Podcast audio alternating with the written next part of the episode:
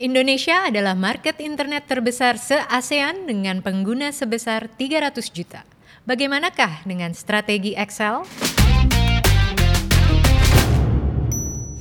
Satu saham dari sektor telekomunikasi yaitu saham PT Excel Aksiata akan menjadi topik kita hari ini. Hari ini kita akan ngobrol langsung dengan Bapak Lee Yong Jun selaku Research Analyst dari Mirai Asset terkait kinerja saham Excel Aksiata. Halo Pak Lee. Hai Alia, hai uh, sahabat Mirai Asset. Jadi hari ini kita akan berbicara tentang saham Excel ya. Iya, betul. Berdasarkan laporan keuangan dan catatan earnings Q3 2020, Excel Aksiata berhasil membukukan net profit sebesar 331 miliar. Hal ini menjadi kenaikan secara year on year sebesar 53,5 persen dan kuartal to kuartal sebesar 48,1 persen. Apa strategi bisnis yang diterapkan oleh Excel Aksiata sehingga mampu mencatatkan kinerja yang positif? Excel Axiata uh, ada fokus pada uh, 4G service. Jadi mereka uh, ingin menaikkan kualitas 4G service dan juga untuk menaikkan subscribers pada 4G. Karena 4G itu servisnya mempunyai kecepatan yang lebih, lebih besar, maka itu hmm. akan bisa menaikkan traffic data yang lebih cepat. Dan juga uh, sekaligus mereka bisa menaikkan ARPU karena uh, 4G itu memiliki ARPU yang lebih tinggi dibanding 2G dan 3G.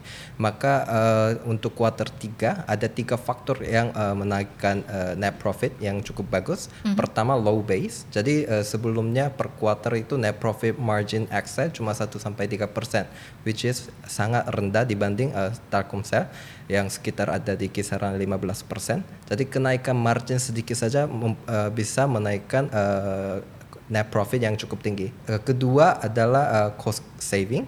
Jadi uh, dalam masa uh, COVID-19, uh, Excel dan bukan cuma Excel tapi semua operator berupaya untuk uh, save uh, semua expensesnya untuk uh, membantu kenaikan uh, net profit. Ketiga adalah pendapatan uh, dalam uh, data yang sangat kuat.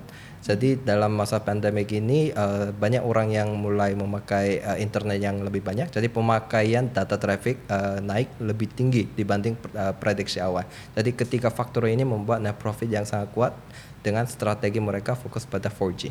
Nah, tadi dengan pembangunan infrastruktur 4G, apakah hal ini align dengan CAPEX atau capital expenditure yang telah digelontorkan oleh Excel sebesar 5,7 triliun hingga Q3 2020 ini? Uh, iya betul, uh, walaupun Excel tidak share uh, detailnya pada capex mereka, tapi kita bisa melihat benchmarknya, yaitu adalah BTS.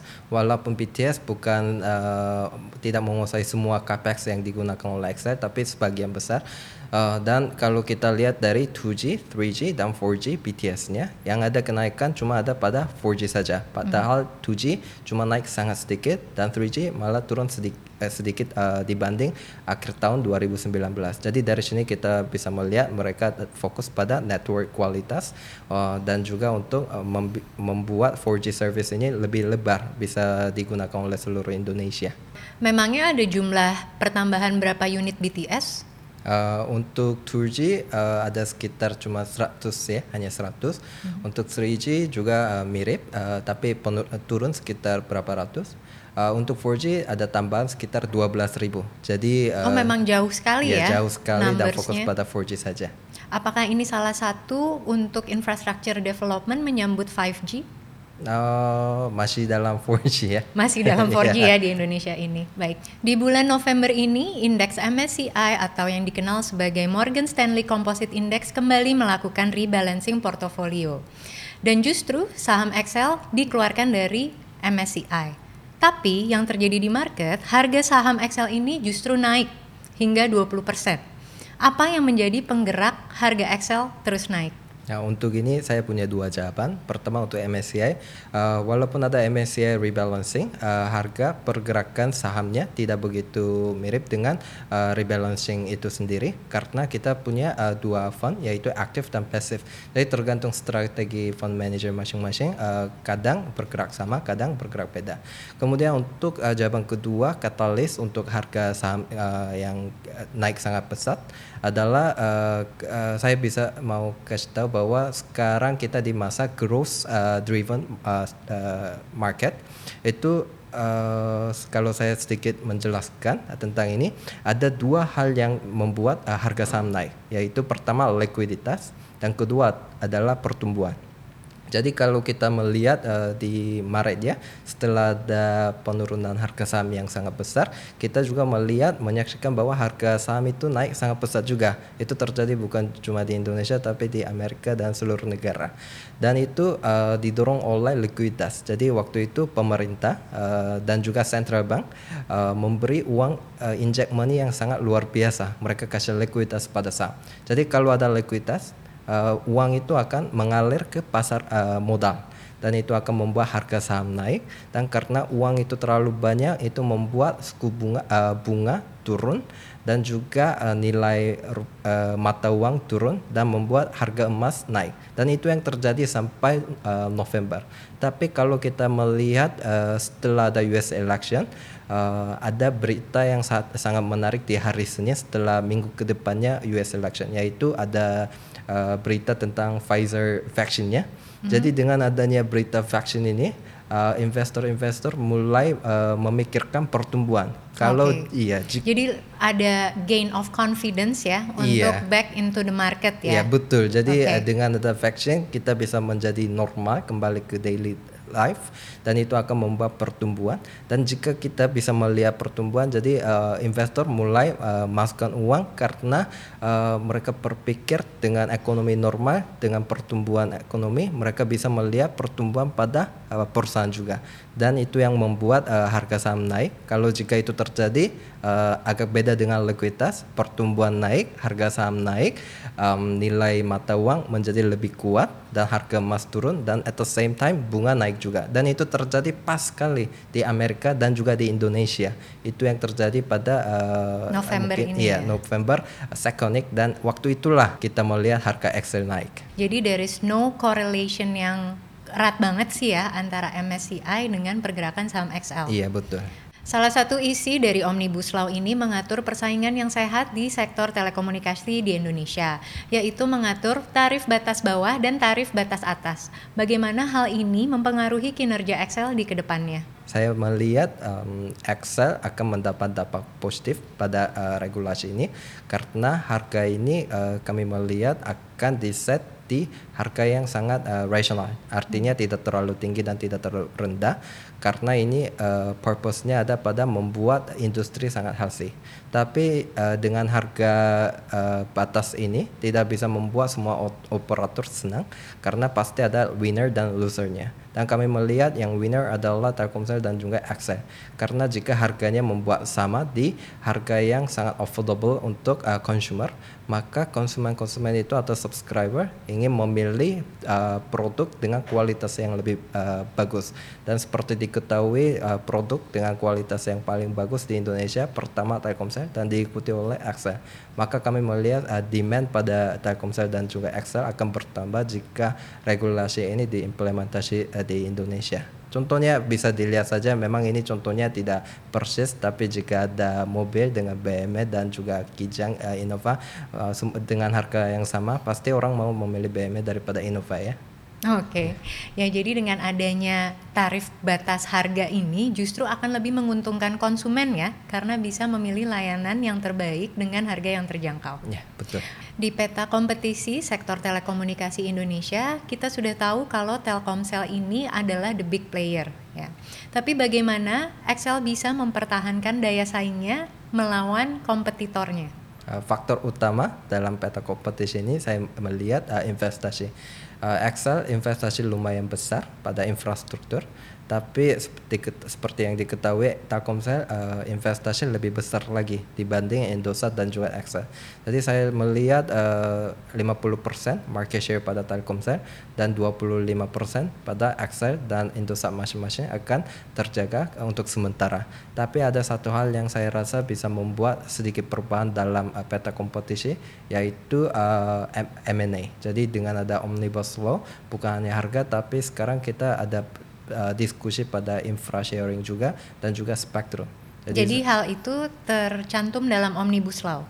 Uh, iya bisa aja. Jadi saya, uh, saya melihat uh, mereka di dalam omnibus law juga sedikit uh, merancang tentang spektrum Kita tidak tahu ini akan uh, bergerak ke mana, tapi ada kemungkinan juga bahwa re regulasi uh, dalam spektrum itu juga diganti dan itu bisa membuat lebih uh, kondisi baik untuk operator untuk melakukan M&A dalam industri ini.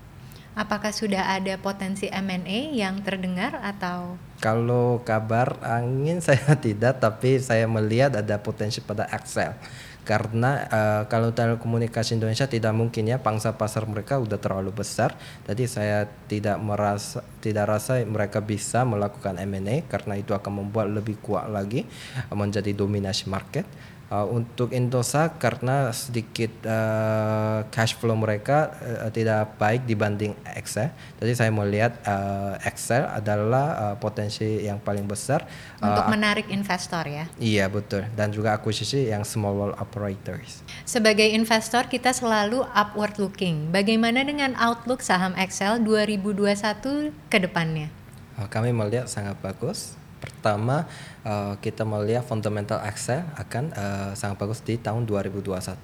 Pondorongnya ya salah satu omnibus law seperti kita bicarakan. Kedua adalah pendapatan revenue dari uh, data segmen data akan sangat bagus karena uh, setelah ada COVID-19, low income uh, segment uh, dapat dampak yang tidak bagus uh, di tahun 2020 tapi dengan kebijakan-kebijakan dari pemerintah uh, kami melihat uh, purchasing power mereka uh, lumayan terjaga dan mulai di second half 2001 hmm. uh, kami melihat setelah adanya vaksin uh, mendarat di Indonesia kami melihat purchasing power akan kembali jadi normal jadi di situlah kami melihat para operator akan stop melayani unlimited paket dan juga uh, akan mulai menaikkan uh, data yield dan itu akan menjadi positif uh, bagi ARPU dan itu akan membuat uh, pendapatan untuk operator terutama Excel uh, menjadi bagus di tahun 2021. Bisa kita lihat pada perdagangan hari ini di tanggal 27 November kisaran harga saham Excel ada di angka 2500-an. Bagaimana dengan valuasi dan target price Excel ke depannya? Pertama target price kami uh, 3800 dengan rekomendasi buy. Oke, okay, uh, jadi upside gainnya ini masih tinggi sekali ya? Iya, masih tinggi sekali karena kami melihat uh, mereka sekarang diperdagangkan di uh, valuasi multiple yang lumayan uh, murah. Uh, waktu COVID-19 uh, pas pernah uh, mereka turun harga Excelnya ke minus 2 standard deviation tapi sekarang baru naik ke minus 1 jadi saya melihat dengan pertumbuhan yang fundamental yang ada pada Excel mereka cukup uh, bisa naik kembali ke average mean uh, yaitu uh, sekitar 3000-an lebih. Maka kami memiliki target yang lumayan tinggi. Dan juga seperti yang saya jelaskan pada likuiditas dan juga uh, growth driven market uh, Excel ini mempunyai uh, latar belakang yang sangat menarik karena dengan adanya per, uh, perpet, uh, sekitar shift uh, dari likuiditas ke growth maka yang akan menguntungkan adalah value stock dan dari situlah uh, telco industri akan menguntungkan banyak dan jadi ini semua kondisinya pas sekali untuk Excel. Bisa dibantu nih Li untuk mensummary tiga alasan kenapa Excel ini menjadi saham super stock untuk sahabat Mirai Aset. Poin pertama adalah uh, dampak positif dari Omnibus Law. Jadi dengan adanya Omnibus Law ini, kami melihat ada potensi yang sangat positif pada Excel. Kedua adalah uh, transisi dari liquidity uh, driven market ke growth driven market. Jadi itu akan menguntungkan industri telco dan juga Excel. Ketiga ada dalam pertumbuhan dalam Excel. Kami melihat walaupun net profit uh, untuk overall akan turun, tapi kalau kita exclude uh, one of gain di tahun 2020, kami melihat pertumbuhan Excel akan sangat sehat dan kuat dibanding yang lain. Jadi dari tiga poin inilah kami melihat Excel itu sangat atraktif di uh, multiple yang sekarang. Oke baik, terima kasih ya Li atas analisa saham Excelnya. Terima kasih Alia.